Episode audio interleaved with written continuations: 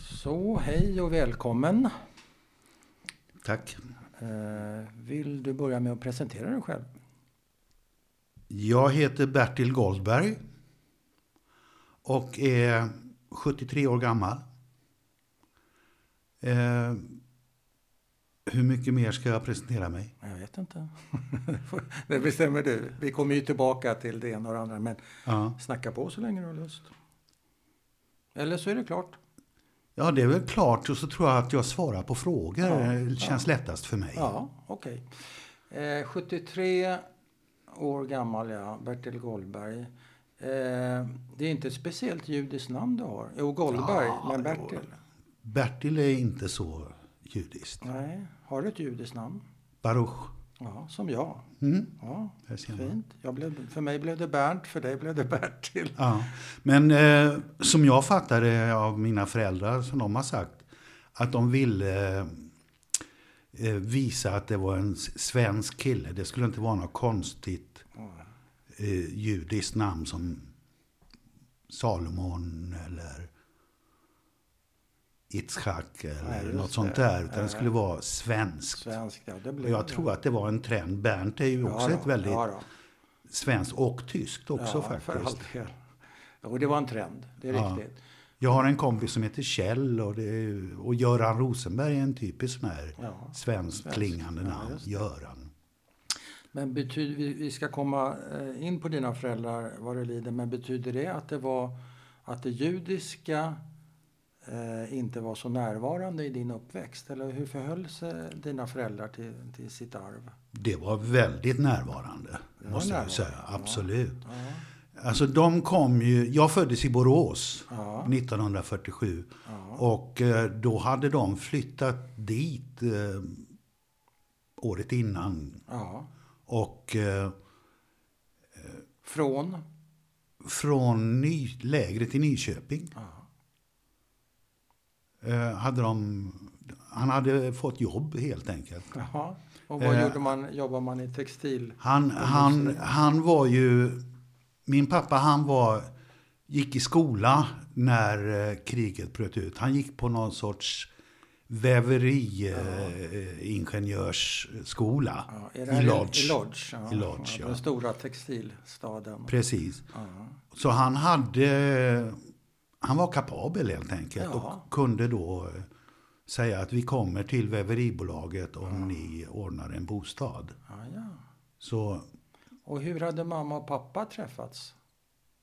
De hade träffats på lägret i Nyköping för att eh, min pappa han åkte tydligen runt eh, i olika läger och letade efter sin fästmö.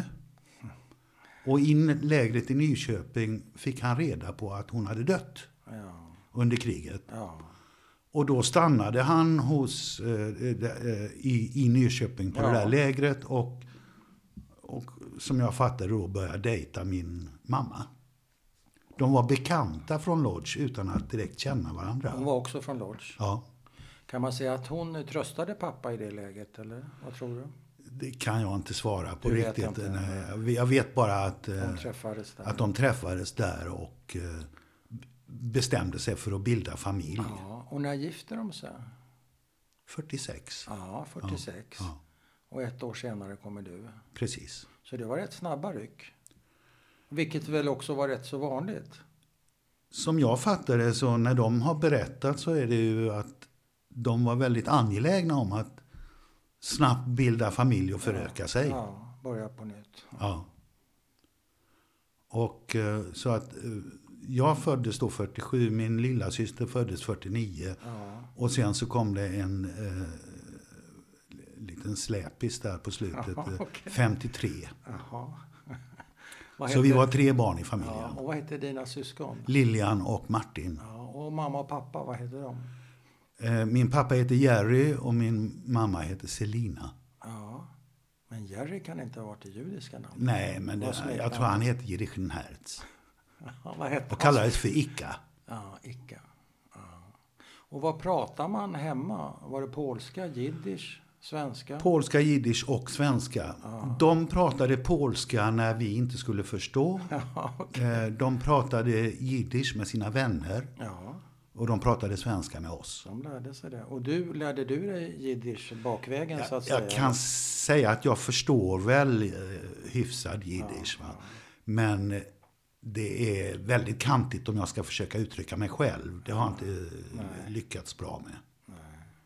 Men jag har aldrig försökt prata jiddisch heller Nej, egentligen. Nej. Och när det, när det har varit sådana situationer så blir det mer någon sorts rotvälska som mest hämtar ifrån tyskan. Ja, såklart. Ja.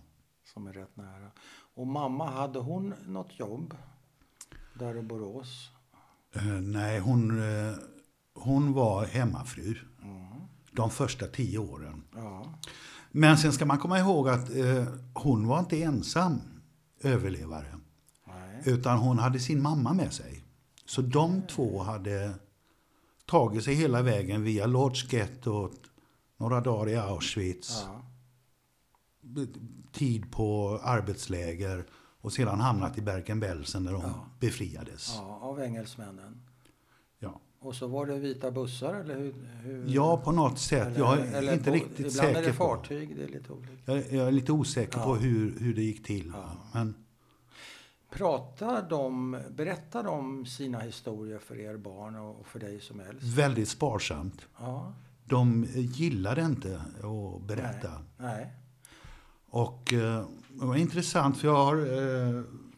Det finns ett klipp med min mamma på Youtube. Jaha, Där hon pratar för kommunfullmäktige 1998 eh, på minnesdagen av Ja. Förintelsen. i Borås? I Borås. Ja. Jaha. Så hon berättar då eh, sin Ja. story där. Ja. Och då ett parti där så säger hon väldigt uttryckligt att eh, vi vill inte tala om det. Vi vill inte förstöra tillvaron för barnen med att plåga dem med hemska skildringar av hemska saker. Eh, och om man träffar grannar, man vill inte förstöra situationen med att berätta om eh, hur eh, världskriget gick till Nej. och, och hur förföljelserna bedrevs. Nej. Man vill inte förstöra stämningen. Den typen Ja. av... Det berättar hon där alltså på det hon berättade talet? på det här talet? Ja. kommunfullmäktigetalet. Ja. Men hur blev det för dig? Var, eh, ja, reflekterar du över, över det? Var du en sån där nyfiken unge som frågade eller lät du bli för att du kände att det var inte riktigt läge? Eller hur, hur landade det där i dig? Ja, alltså, jag, dels har jag ju läst mig till mycket. Ja, men som barn? Jag som barn, eller ungdom då. Ja, men jag tänker, Eller- så, jag tänker lite tidigare. När du var, Men hur, innan skolåldern menar du? Ja, till exempel. Mm. Jag hade ingen uppfattning. Nej. Det enda, jag, det enda jag minns ifrån den, den tidens barn, det var ju till exempel att vi hade söndagsskola på församlingen i Borås. Jaha. Så man, på söndagar så träffades alla de här små barnen. Ja. Och föräldrarna var ledare. Och så firade man Purim och Sukkot och Chanukka. Och Chan, Ja. nej, Chanukka och Pesach var mer eh, privata grejer. Ah, Okej. Men just Purim och Sukkot och eh, kanske någon Yom Ha'atzmaut också. Ja. Det, det, jag kommer inte ihåg Rosh riktigt. Kanske? Ja, ja, definitivt. Definitivt. Rosh Hashanah var stort alltså. Ja, det var stort. Det minns jag att då hyrde de, då, då räckte inte för, församlingslokalen Nej. utan då hyrde de Auktursalen eller Folkets hus. Ja. Eh, Så det var ett pådrag när Ja, det var visst. judiskt nyår. Då Ja. skulle det... Mm. visst. Jag kommer Men- ihåg att vi unga sprang omkring där i foajéerna och, Ja, det är klart. och lekte helt enkelt. Ja. Men umgicks ni, eller rättare sagt dina föräldrar, mest med andra judar? Ja, kan man säga. Okej. Men blev det, Det var i mycket... princip bara judiskt umgänge. Ja, Och det var ju en rätt tät grupp i Borås. ja, Det var ett antal hundra ja. Som hade i princip samma eh, upplevelse av förföljelse, ja. eh, överlevande Ja, från har- läger ja. och så hamna i Sverige. Och nu gällde det att försöka ja, ordna upp en tillvaro och föröka sig. just det. Men när dina föräldrar umgås och sitter och dricker te eller vad de nu gör med sina polare, sätter Mm. inte de igång och pratar krigsminnen då? Jag, jag kan inte svara på vad de gjorde, men jag har väldigt fina minnen av eh, min tidiga barndom, typ 3, 4, 5 års åldern. Där de sitter, det är rökigt så in i bonken. Det, de har väldigt högljudd jiddisch-konversation. Ja. Alla har ju rätt starka röster. Och, och de Och alla vill höras. Och jag ligger under bordet Ja, och är med Ja. utan att direkt vara med. Ibland somnar jag väl. ja, men, men det- stämningen var Jag tyckte- underbar. Jag tyckte det om. Ja, visst. Trots det har jag ett stort minne av. Trots alltså. röken. Men rök var, ju, rök var ju väldigt vanligt på den tiden. såklart. Absolut. Eh, Min pappa rökte även om han slutade sen. Jag tror många rökte Ja, ja. på den Kvinnor, tiden. kvinnor. Man bjöd ju på, man hade ju bjudcigaretter hemma. Till exempel. Ja. Det hörde ju Och- till. Och en liten askkopp Ja, med en ja, tändare Ja, och så vidare. Absolut. Bra present också. Okej, eh, jo, jag, jag tänkte på den här grejen. Deras strategi att ge dig namnet Bertil, för du ska smälta in, du ska bli en fin svensk pojke. Mm. Fungerade det sen när du började i skolan och sådär? Blev du accepterad som en svensk kille? Eller vad, hur gick det med den strategin? gick väl ändå ganska hyfsat. Jag tyckte de gjorde ett misstag dock. Va? Eh, De hade en devis, eller min mamma i alla fall som jag minns det, och pappa höll med. Eh, Okej. Bertil, kunskap är vägen till makt. Du ska börja när du är sex år. Alla andra började när de var sju. Oj. Så jag var minst i väldigt, väldigt många år. Även om jag var storebror hemma. Ja. Så var jag liksom minst. Ja. Och vad ledde det till? Det ledde till eh, hävdelsebehov av olika slag. Jaha, Eh, men du blev inte... jag var livlig och rastlös. Och, Ja. Men jag hade inga större problem med själva kunskapsstoffet. Det var Nej. inga större problem. Nej. Jag lärde mig läsa innan skolan och, och sådär. Så att Vem, vem lärde dig det? det var en vän i familjen som gick omkring med mig på stan och läste skyltar. Fantastiskt. Ja. Så lärde du dig? Jag har ett min, en minnesbild. Vi pratar om Norrby i Borås, som numera anses vara ett uts, utsatt område. Okej. På den tiden var det då eh, ett, vad ska man säga, invandrargetto med många judar som bodde där. Ja. Uppe i, i backen bredvid Karoliskolan Ja. i Borås, Jaha. då fanns det en fiskaffär med sån här, du vet, Vatten, vatten, ja, som rann ner. Ja, ja. Och jag kommer ihåg att vi satt där på en bänk eller på en trappa vid fiskaffären där. Och han pekade på olika skyltar. Så här, och Ja. Jag fick stava mig fram. Och, ja.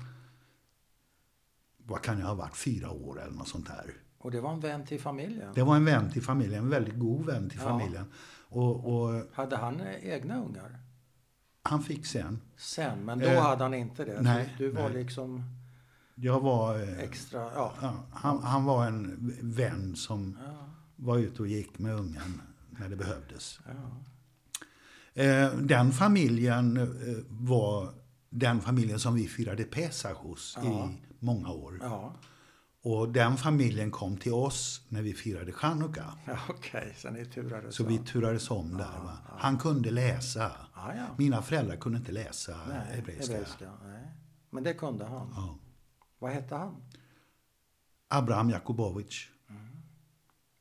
Men eh, jag tänkte på skolsituationen. Du börjar ett år för tidigt och du är kort. Betyder det att du också blir mobbad? Nej, Inte alls? nej, det kan jag inte säga. Nej, du slog dem, eller hur funkar det? Jag var inte i något slagsmål förrän eh, i realskolan. Ja, vad hände då? Då slog jag en kille. Varför? Han, eh, han var sned. Men jag kommer inte ihåg vad, Vad sa du? han Att han var själva- sned? På dig? Han var Ja. arg på dig?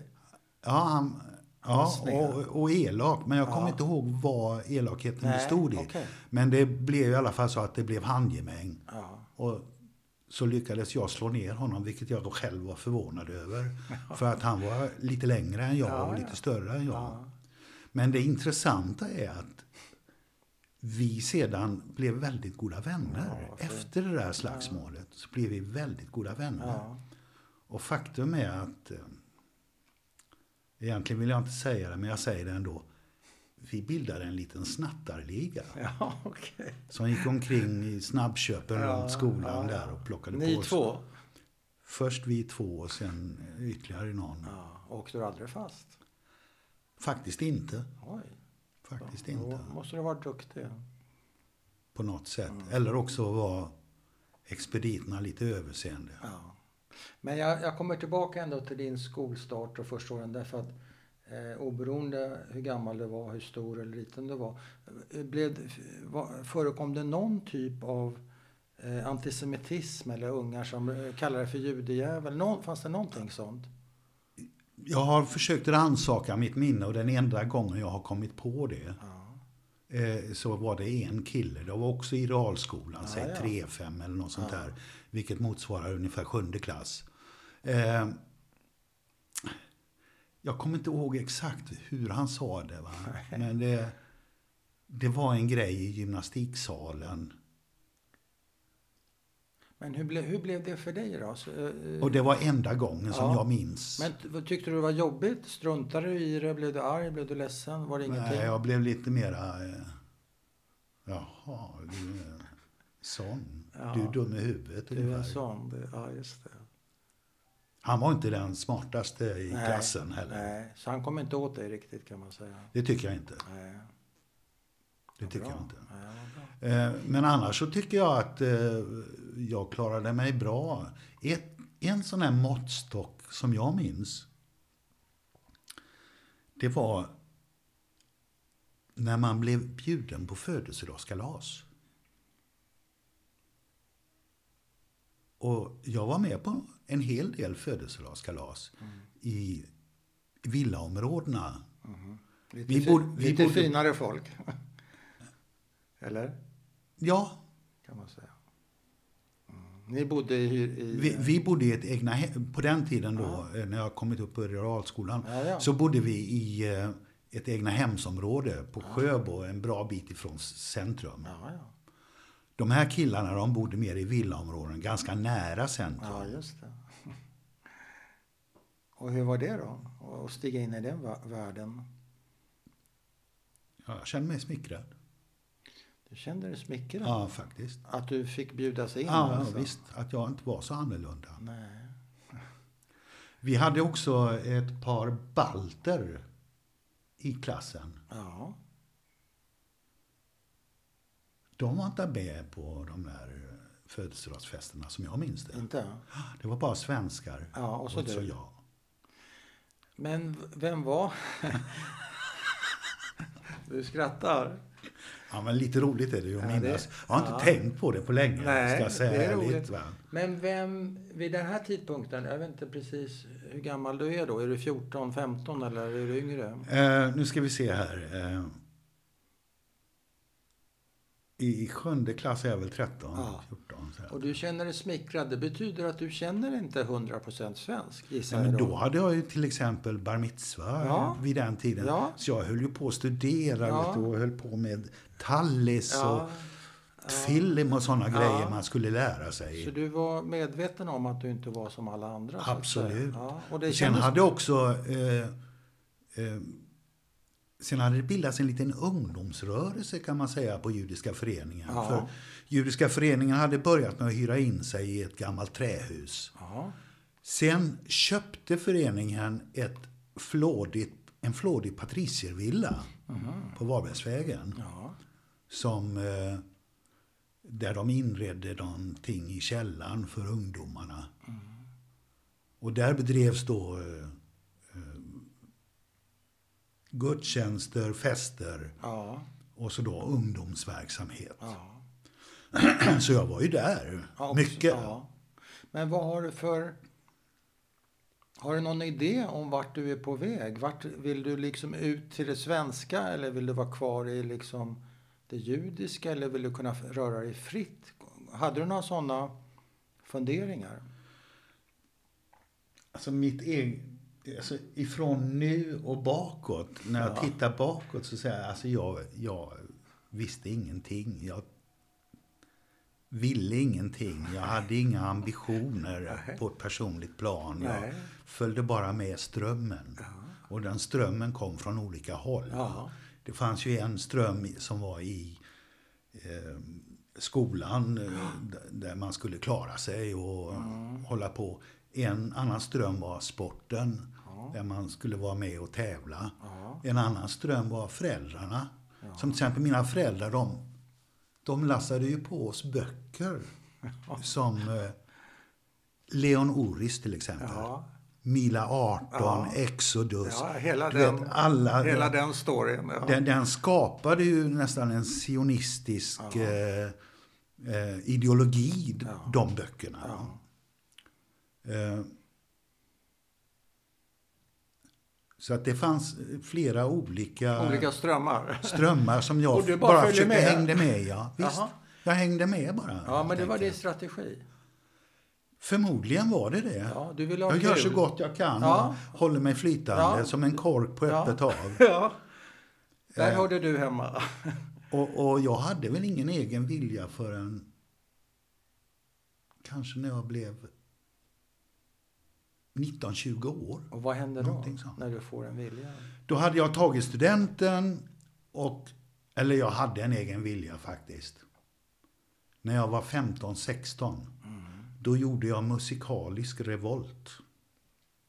Jag hade ju gått och, studerat eh, piano för olika pianolärare. Spelat klassisk musik, Fyr Elise och Månskenssonaten och sådana saker. Men jag gjorde revolt mot det och började spela rock'n'roll. Okej, på piano. Orgel. Orgel. Dubbel revolt. Ja, jag blev kallad till, det var någon som visste att jag spelar piano. Ja. Som sa, kan du inte vara med här i vårt band? Vi behöver en, en organist. Ja, ja. Och eh, då, då blev jag med där Då följde du med. Ja, jag följde med den strömmen. Ja, just det. Och, och det var en egen vilja. Det och var det var ju också i Ja. trots mot eh, föräldrarna. Och vad sa mamma och pappa om detta? De resignerade. Ja, men Och- de var inte positiva. Nej, det var de inte. Men de resignerade och eh, köpte den där orgeln. Ja, det gjorde de. Ja, det gjorde de. Men var det under tandagnisslan och gråt och förbannelser eller var de... Nej, det var kan- mer resonemang. Ja. Det var det. det de var... ville hellre att du skulle fortsätta på den här borgerliga klassiska vägen. Ja, men jag hade börjat lära mig spela gitarr också Ja. i den åldern. Ja. Så att jag tror de såg vart det barkade. Mina vänner, mina svenska vänner som Ja. då inte var klasskamrater, Nej. de höll på med musik. Ja, så de förstod. Och vi hängde då, det var en... Man kan väl säga att det minskade det där med att vara i källaren på Judiska föreningen. Och att det var mer att man gick på Wahlströms musikaffär och satt där och kollade vilka ackord som man kunde lära sig. Och vilka eh, eh, gitarrmärken som gällde och sånt där. Men var dina föräldrar stöttande ändå? Ja, det är klart de köpte en orgel, så i den meningen måste de ju ha varit stöttande. Men var de... Ja, man kan vara stöttande känslomässigt eller intressemässigt, jag vet inte. De har ju på det hela taget varit mycket stöttande. Det har de, ja. Ja. Men du sa eh, att du uttryckte en vilja när du blev 90, efter du tog studenten. Ja. ja. Om vi tar det då. Vad, Ja, alltså då, och hände då, då? Hade, och då hade jag ju... Då var det mycket eh, rock'n'roll eh, de sista åren i gymnasiet. Mm. Så att jag ha- jag hade fått sämre betyg. Va? Jag kom inte in någonstans några Nej. bättre ställen.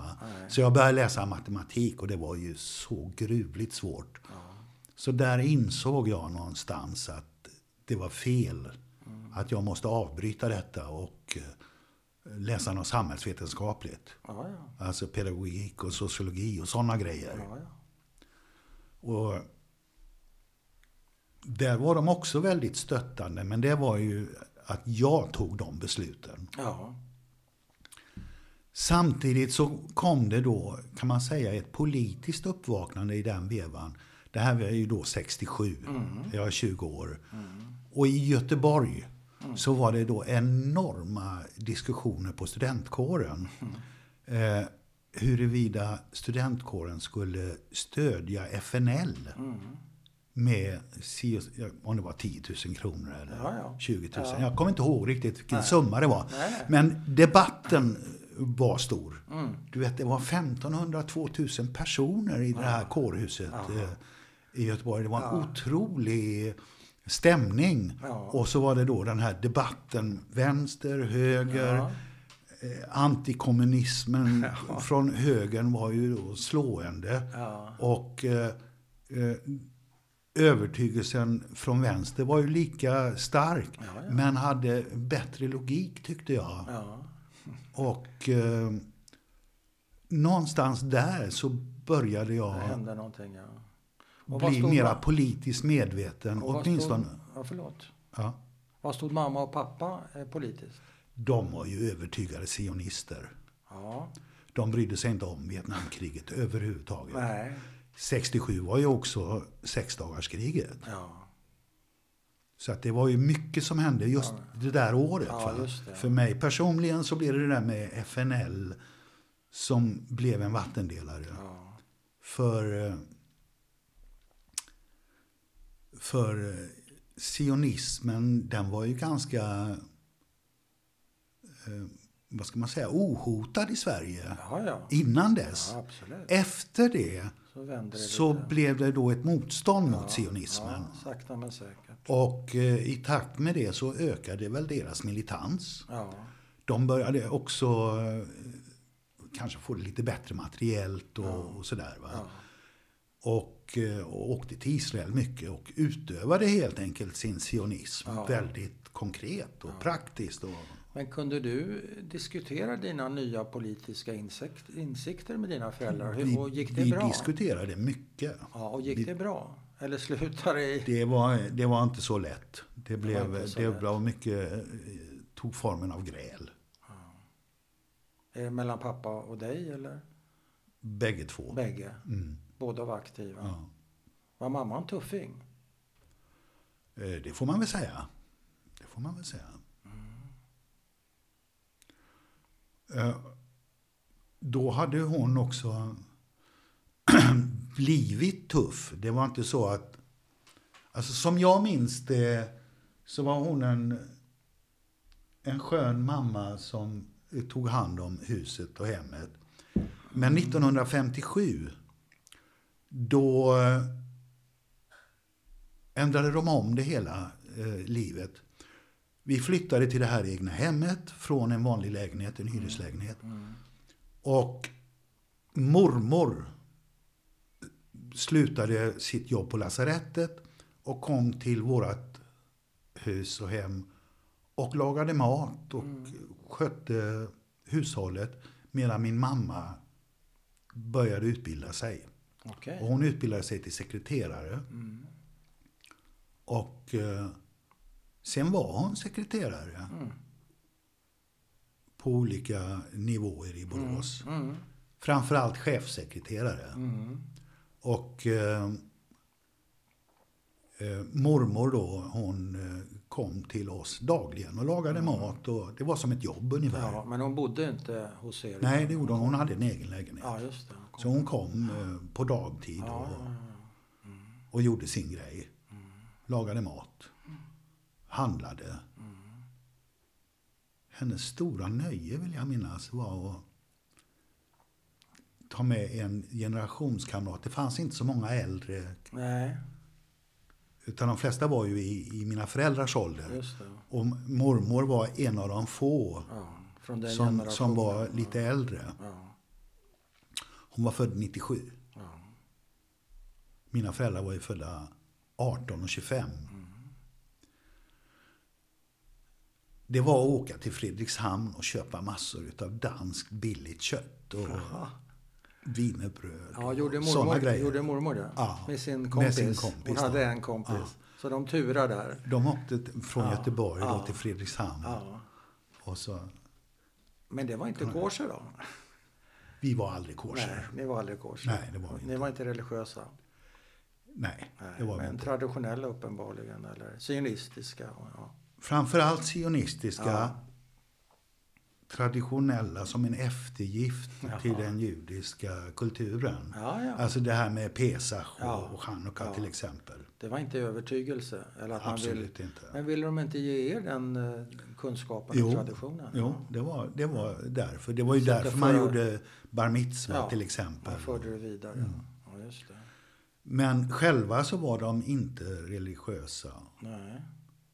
Jag kommer ihåg att de berättade vid något tillfälle att det hade varit väldigt mycket bråk inom judiska föreningen. Jaha.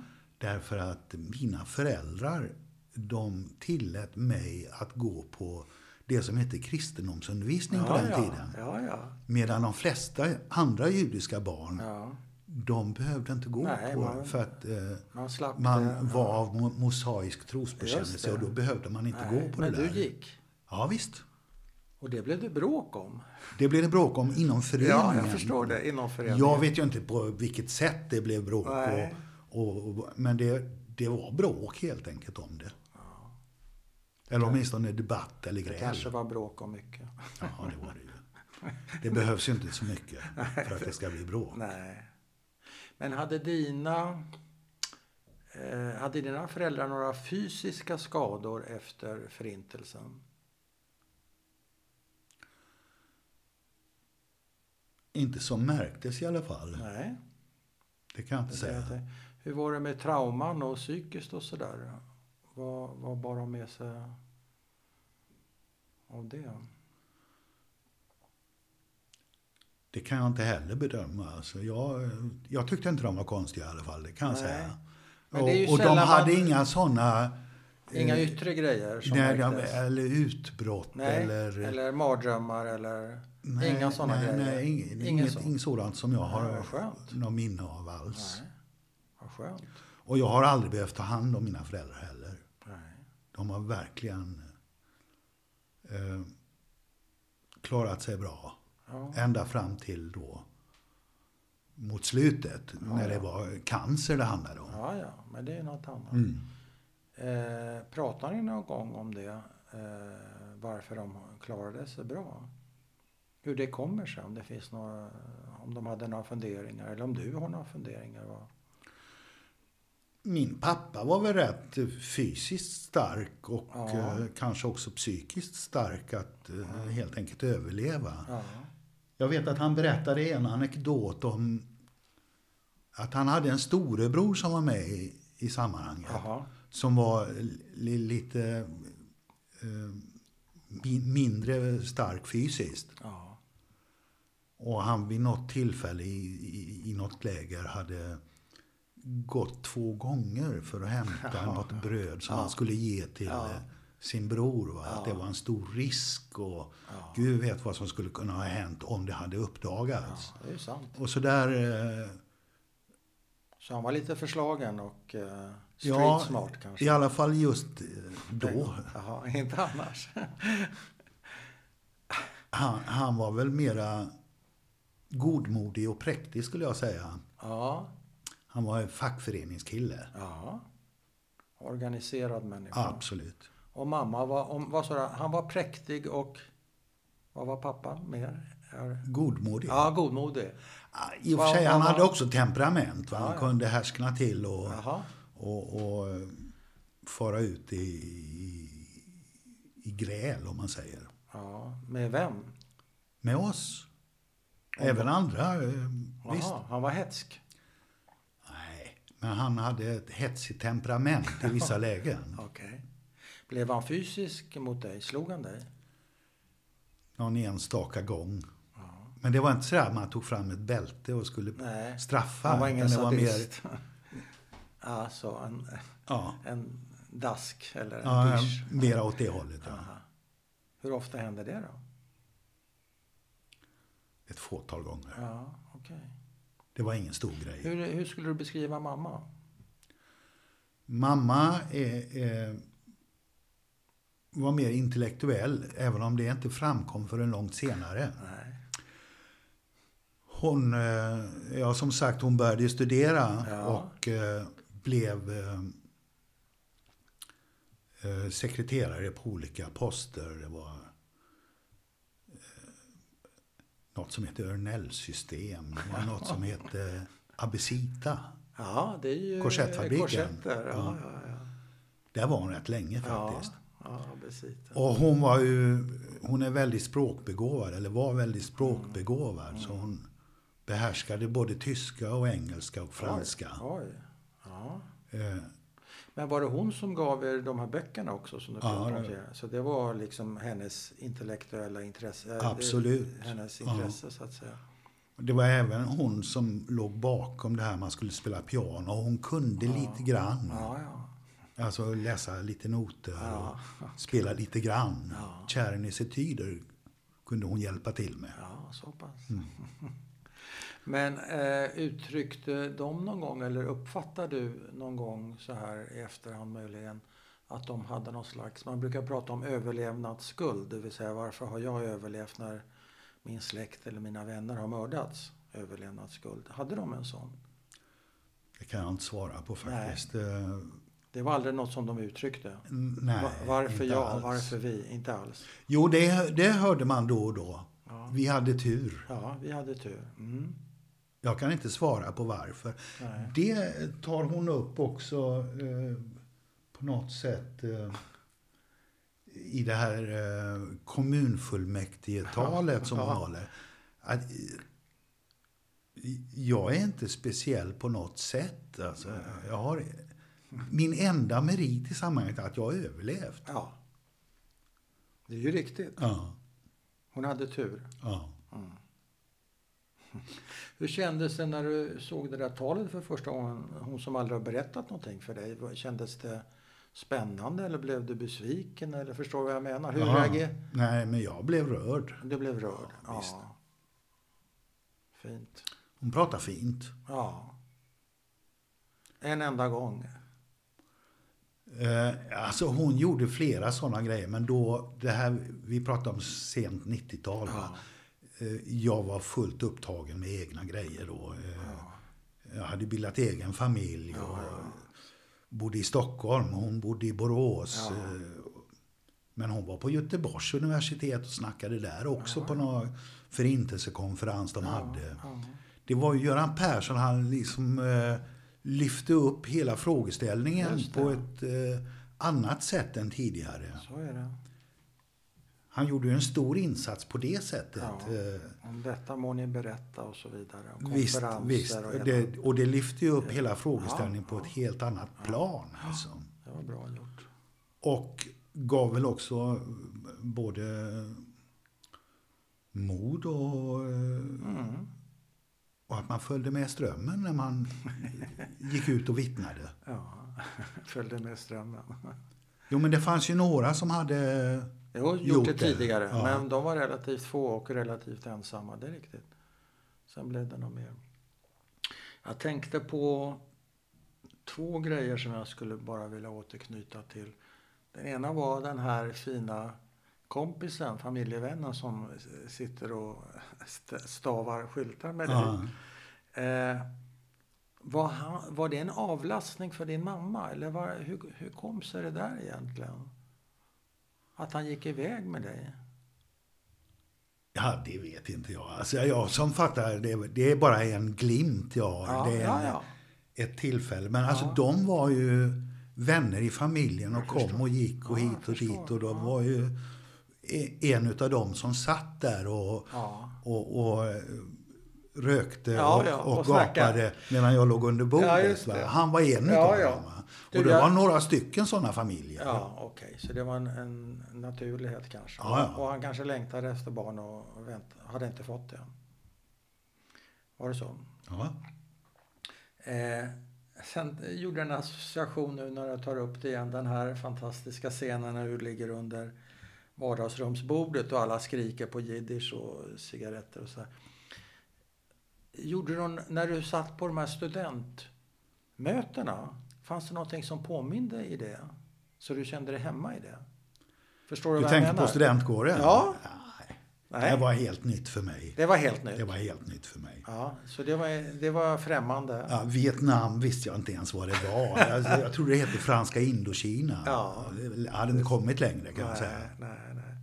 Men du var inte, du var inte um, bekväm i den intensiva diskussionsmiljön. För, för mig låter det lite likt, men så var det inte för dig. Eh, det här med eh, FNL och dragningen åt socialism och vänster. Ja, ja. Det, var, eh, det var nytt för mig då. Ja. Jag tänkte på det här att man håller på och tjatar och tjatar och diskuterar och diskuterar. Och Jo, den men det, grejen. det är möjligt att det temperamentet finns Ja, det var bara så jag tänkte. kvar. eh, Eller finns inympat i en på något sätt. Va? Ja, jag vet inte. Det var bara ett långskott. Mm. Eh, kom det till någon eh, politisk brytning mellan dig och dina föräldrar? Det var ju relativt vanligt att det ibland skar sig ett tag och sådär. Ja, ja visst. Det blev det... Det blev, det blev lite eh, spänt och Ja. glest. Jaha. Men inte avklippt? Nej, inte Aldrig helt. av... Nej, nej. all- Var, var det en av dem som var lite duktigare på att hålla kontakten eller var, var båda... Höll, höll båda kontakten med dig så att säga? Man kan väl säga att den som höll i kommunikationen i familjen var ju mamma. Ja. Eh, mera. Ja. Pappa var mer måste säga, fysiskt närvarande och fysiskt aktiv och körde bilen och det. skötte om huset. Och, eh, Han var mannen helt enkelt. Ja, och eh, var eh, fackföreningsordförande Ja. i den Ja, här ja. fabriken Ja, där ja. han jobbade. Ja, så det tog upp en hel del tid. Ja, visst. Så mamma stod, vilket inte är så ovanligt kanske, för den känslomässiga kontakten både i medgång och i motgång då så att säga. Det var hon som, Mm. Som stod för det. Men jag skulle vilja ändå vända på det och säga att hon stod för en mer intellektuell approach. Ja, Han var mer ja, känslomässig. det var det du sa ja. Ja, okej. Så att hon var... Eh, hon var svalare än vad han var. Svalare? Ja. ja kyl, Och ja, han, han var mer eh, hetsig och varm. Ja, fysiskt. Om man ska göra snabba ja. eh, penseldrag skiss. över Ja, dem. Tror du att pappa, eh, han förlorade ju sin fästmö där i Lodge va? Eh, tror, han, tror han saknar henne? Vet ej. Han, han, hade aldrig, det- han hade aldrig det uppe. Det, Det, det kom aldrig upp. kom aldrig upp. Hur fick du reda på det? Av mamma. Var pappa död då eller? Nej. Ja, Ja, då berättade hon det. ja. Och hur, sånt. ja, hur gjorde hon det? Det var någon gång eh, efter att han hade gått bort som vi pratades vid och så då nämndes Ja. detta. Ja. Så du måste ha blivit lite överraskad då? Ja, det blev jag verkligen. Det blev det? Ja. Det var nytt för mig. Ja. Vad tänkte du?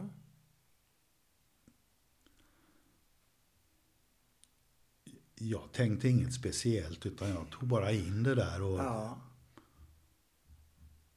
Vad ska en kille göra då? Jag vet inte. Han stannade kvar där i Nyköping och eh, Ja. han kände väl lite folk där. Han var Ja. ytligt bekant Ja. med min mamma. Ja. Hon var en fin kvinna som var Ja. värd att fråga chans på. Ja. Inbillar jag mig. ja, men du kan förstå din pappa i, i den Ja, ja, situationen. ja. Det är inga, som Absolut. du säger, vad ska en kille göra? Ja. Nej. Man börjar om. Livet börjar om helt Ja. enkelt. Ja. Och de har ju upplevt eh, ruskiga saker ganska nyligen. Alltså det, att gå vidare, att gå framåt, det var väl vardag för dem. Ja. Vad har de upplevt, vad sa du, nyligen?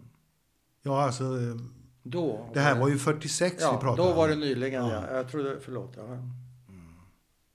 Just det. Eh, hur skulle du säga, hur, hur har din syn på dig själv som V- Vem är du då, så att säga? Vi pratar om, olika, vi pratar om olika... Han är ju en panschis. Ja, det är panschis. Det är ju en identitet, det är riktigt. Ja, visst, du, och du är boråsare från början och du gillar sport. Man har massa olika... Men vem är du idag, skulle du säga? Av alla de här eh, miljöerna. Så du har ju som beskrivit det så fint att du flyter in. Du flyter med. Ja. Jag, jag flyter med. Ja. Ja, blev det vänster, vänster tid? Ja, men då flöt jag med. Och, Ja, sen var jag rock. flöt med och så, var jag, då, då, och, så hade jag det där med musiken. Ja. Så, då bildade vi en eh, popgrupp, Ja. eh, eller en rockgrupp, Ja. eller vad man ska kalla det. Jaha. Som sedan vette lite mer åt teatern till. Och eh, så eh, man kan väl säga så här att på 70-talet så var jag proggare. Ja, kan man säga. Och på 80-talet så jobbade jag i massmedierna ja, i Stockholm och bildade familj. ja, På 90-talet höll jag på med stand-up comedy. ja, Som jag hade varit med och liksom sparka igång i Sverige. ja. Och på 2000-talet så tog jag ett sabbatsår som inte har tagit slut ännu. Okej. Så kan man säga. Om man vill fyrkantigt, Ja, eh, fyrkantigt. eh, Det passar mig sammanfatta bra. det. Det passar alldeles utmärkt. Mm. Och varför bestämde du för att ta ett eh, sabbatsår? Jag hade jobbat rätt hårt med, eh, med stand-up comedy då. Jag, jag, Var det, Det suck, var- var... det suck det? Precis, det var alltså Adde Malmberg och jag och, och Jonas Hallberg, vi hade eh, känt varandra Ja.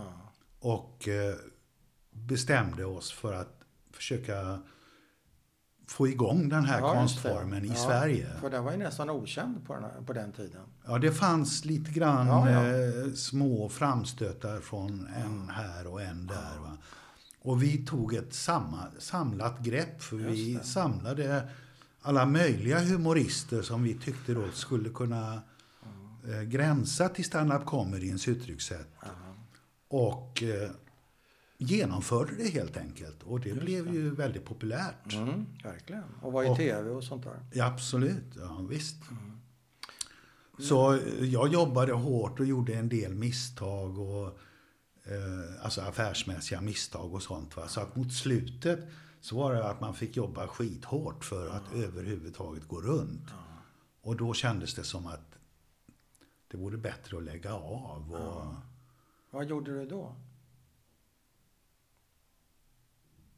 Ja, sabbatsår, då gör man ju ingenting. Nähä. Men om man ska vara, Ja, men om man ska vara var gjorde nog- du ingenting då? om man ska vara noga, så var det så att så här var det, för min personliga del. Ja, det är, det, det är dig vi pratar om. Ja, visst. Ja. Att år, år 2000, Ja. då dog min mamma. Hon dog på den internationella kvinnodagen den 8 mars i en mars. giftig cancer som heter bukspottkörtelcancer. Strax därefter, någon månad efter eller något sånt här, så berättar min lillebror att han har fått malignt melanom. Som är en, eh, nej inte malignt melanom, mal, malignt lymfom. Jaha. Lymfan. Eh, ja visst, en lymfcancer. Inte bra. Eh, som var den cancerformen som min pappa dog av. Och någonstans där fick jag en sorts panik eh, och tyckte att oj, han som är nykterist eh, och inte röker och inte har några laster överhuvudtaget mer än att skaffa barn. Han har fått det.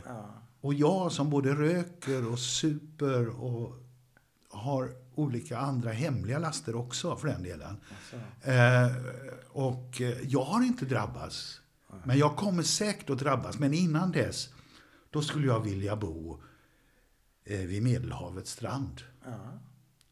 Så någonstans där så iscensatte vi helt enkelt en process som gick ut på att flytta ner dit till Spanien. Mm.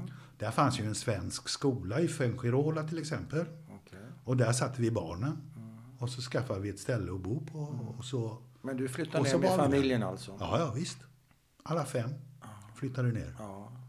Och de gick i svenska skolan och vi, vi gick på gym och försökte banta. Ja. Och eh, eh, min fru försökte bli konstnärinna. Okej. Hon var arkitekt innan det så, Ja. så blev Ja, hon ja. konstnärinna. Ja. Och vad gjorde du? Jag skötte, jag var hemmaman. Var jag hemma. skötte shopping och kost och Ja. transport. Ja, du blev John Lennon kan man säga. Och, Det är möjligt. Och Yoko tog hand om affärerna. Okej. Men hur länge varade det då? Vi bodde där i fyra år. Ja. Och, du, och med den uppdelningen alltså att du skötte markservice och Ungefär. mer ja. eller mindre. Ja. Mm. Men eh, Och jag fick aldrig någon cancer heller. det var skönt. Och brorsan då, hur gick det med honom? Han blev frisk. Ja. Så du flyttade ner alldeles i onödan? Kanske det. Ja. Blev det bra år? Men jag ångrar ingenting. Nej, det blev, blev det bra år? Det blev eh, avspänt. Ja, avspänt. Skönt. Ja. Avspänt. Skönt.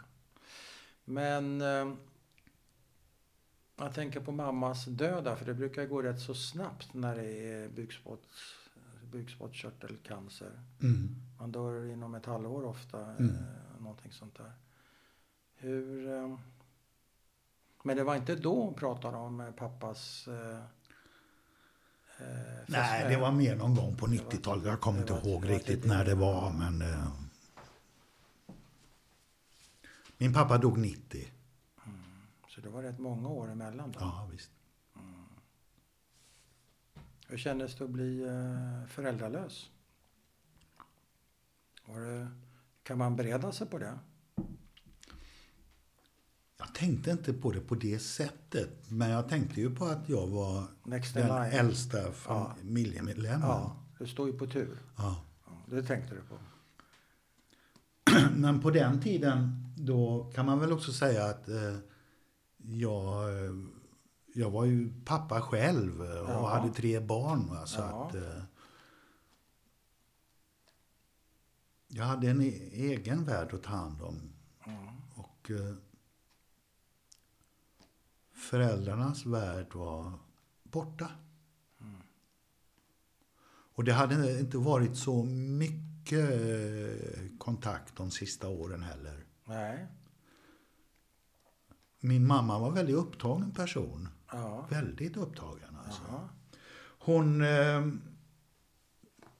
någonstans där eh, när de började öppna filialer på universiteten Jaha. Så öppnade Göteborg eh, en filial i Borås. Så hon kunde börja läsa på universitet. Ja, ja. Och hon är då tydligen väldigt eh, studiebegåvad. Ja. Så hon plockade betyg, vet du. Vet du vad? Hundratals poäng. Alltså. Så hon hade fullt det var upp. tyska, engelska, franska, informationsteknologi, etc. etc, etc. Så hon var fullt upptagen. Hon hade dessutom, eh, hon var eh, ordförande i stenografförbund, eller stenografföreningen i Borås. Ja.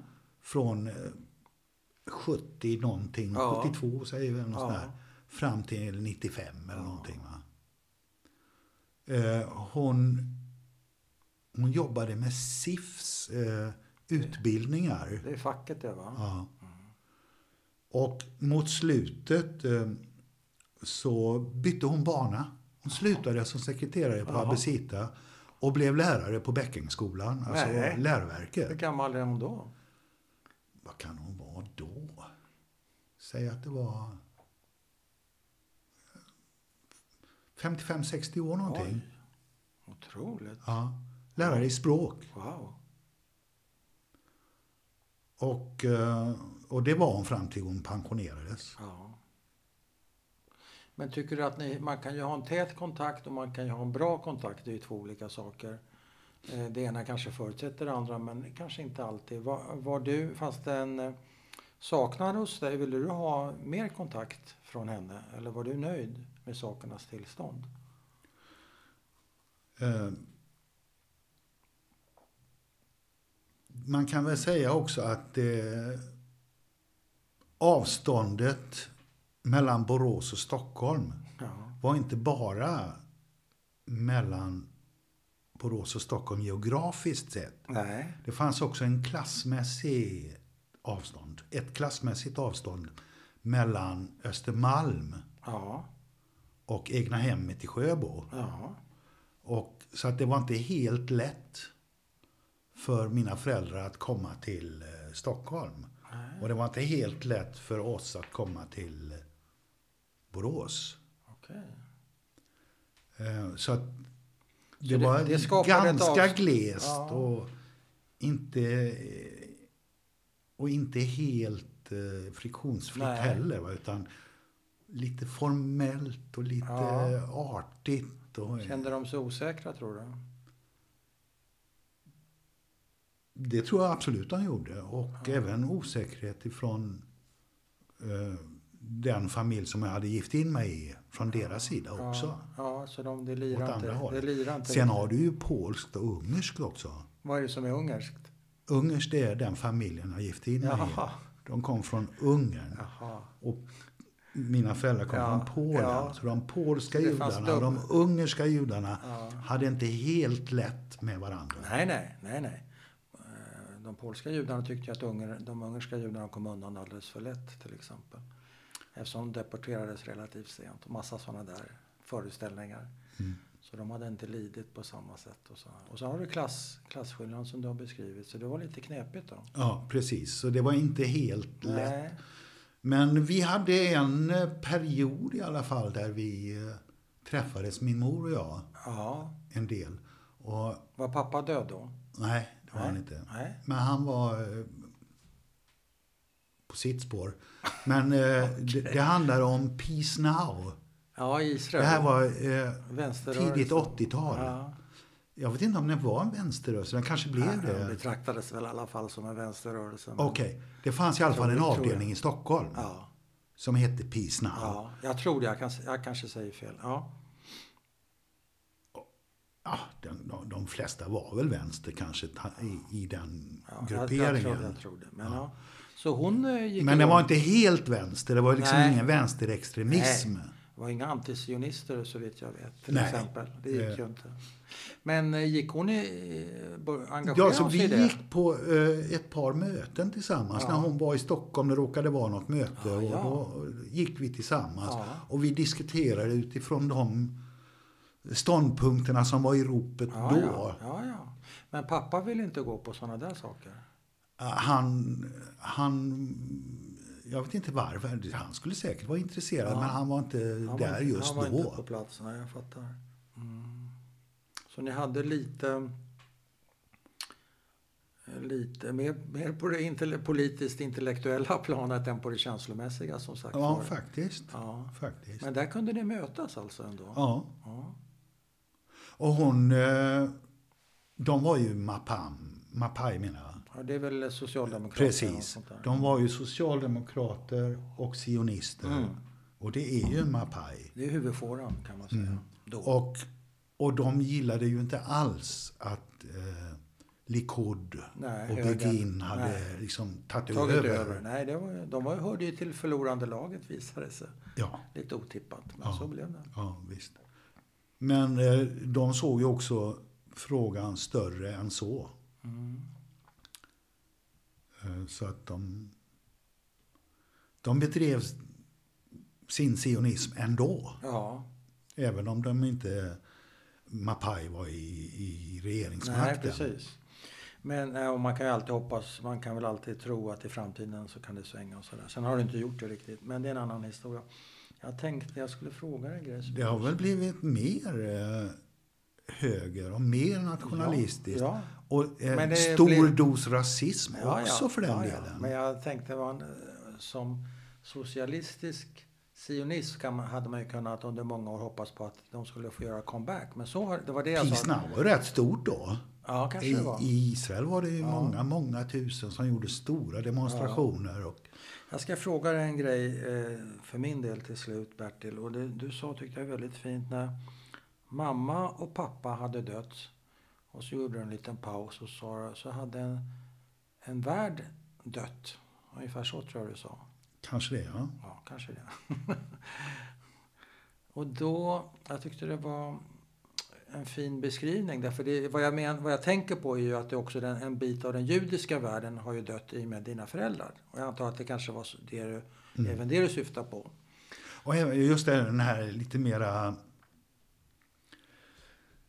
Den socialdemokratiska sionismen. Ja. Den, den känns ju som att den, att den tillhör ja. historien. Ja. Och ingen kraftfull... Men min fråga till dig är, vad har du velat föra vidare då till dina barn, om något, av deras judiska värld? Ingenting. Nej, ingenting. Klart besked. Så här är det. Ja.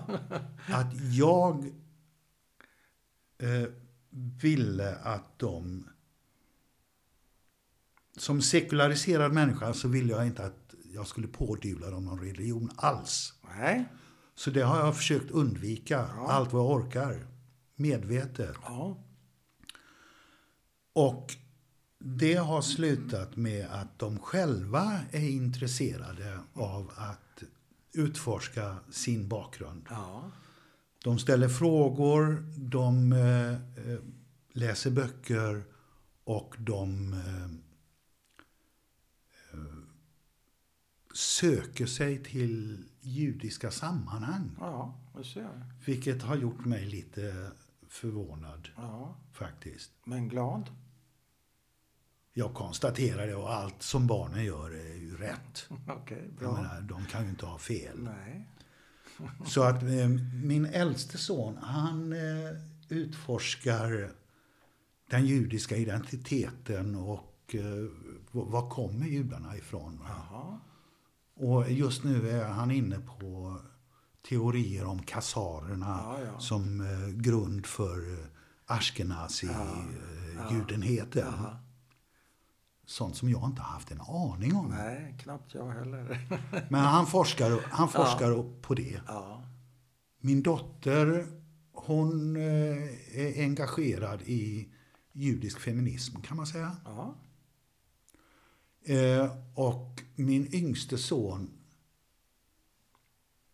han har vid flera tillfällen bjudit in till, eh, till ja, shabbat och bakat challa och på ett lite valhänt svenskt sätt. Mm eh, och själv eh, vem är, valhänt, vem är valhänt, han eller du?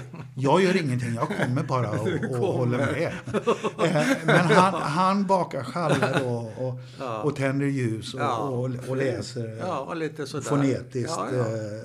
Eh, Men det, brach, det låter rätt så fint. Ja. Så att eh, uppenbarligen så lämnar jag efter mig eh, en, eh, ett intresse av att forska fram varifrån vår familj kommer. Ja. Och då ska man komma ihåg att eh, deras mor är ju eh, också viktig för dem. Mm. Så de utforskar även åt det hållet. Ja, jag förstår. Men eh, har ni varit tillbaka till Lodge och sådana här grejer? Och... Jag har aldrig varit i Polen. Och mamma och pappa, var de tillbaka någon gång? Vid något tillfälle. Mm. Och barnen då, är de nyfikna på att åka dit? De har inte uttryckt någon sån vilja att åka till Polen. Nej, skulle du följa med? Kanske. Ja, kanske inte. Får se. ja, får se. Vill du lägga till någonting Bertil? Nej, har du slut på dina frågor så är det väl bra. Ja, jag har fler, men jag känner mig nöjd. Jag tycker vi har haft ett fint samtal med fin blandning av humor och allvar och eh, du är ju slagfärdig så det är alltid roligt att möta en sån. Som skjuter från Tack för komplimangen får man väl säga då som, då. Som skjuter från höften. Så man, ja. ja, det tycker jag är roligt. Tack så mycket. Tack.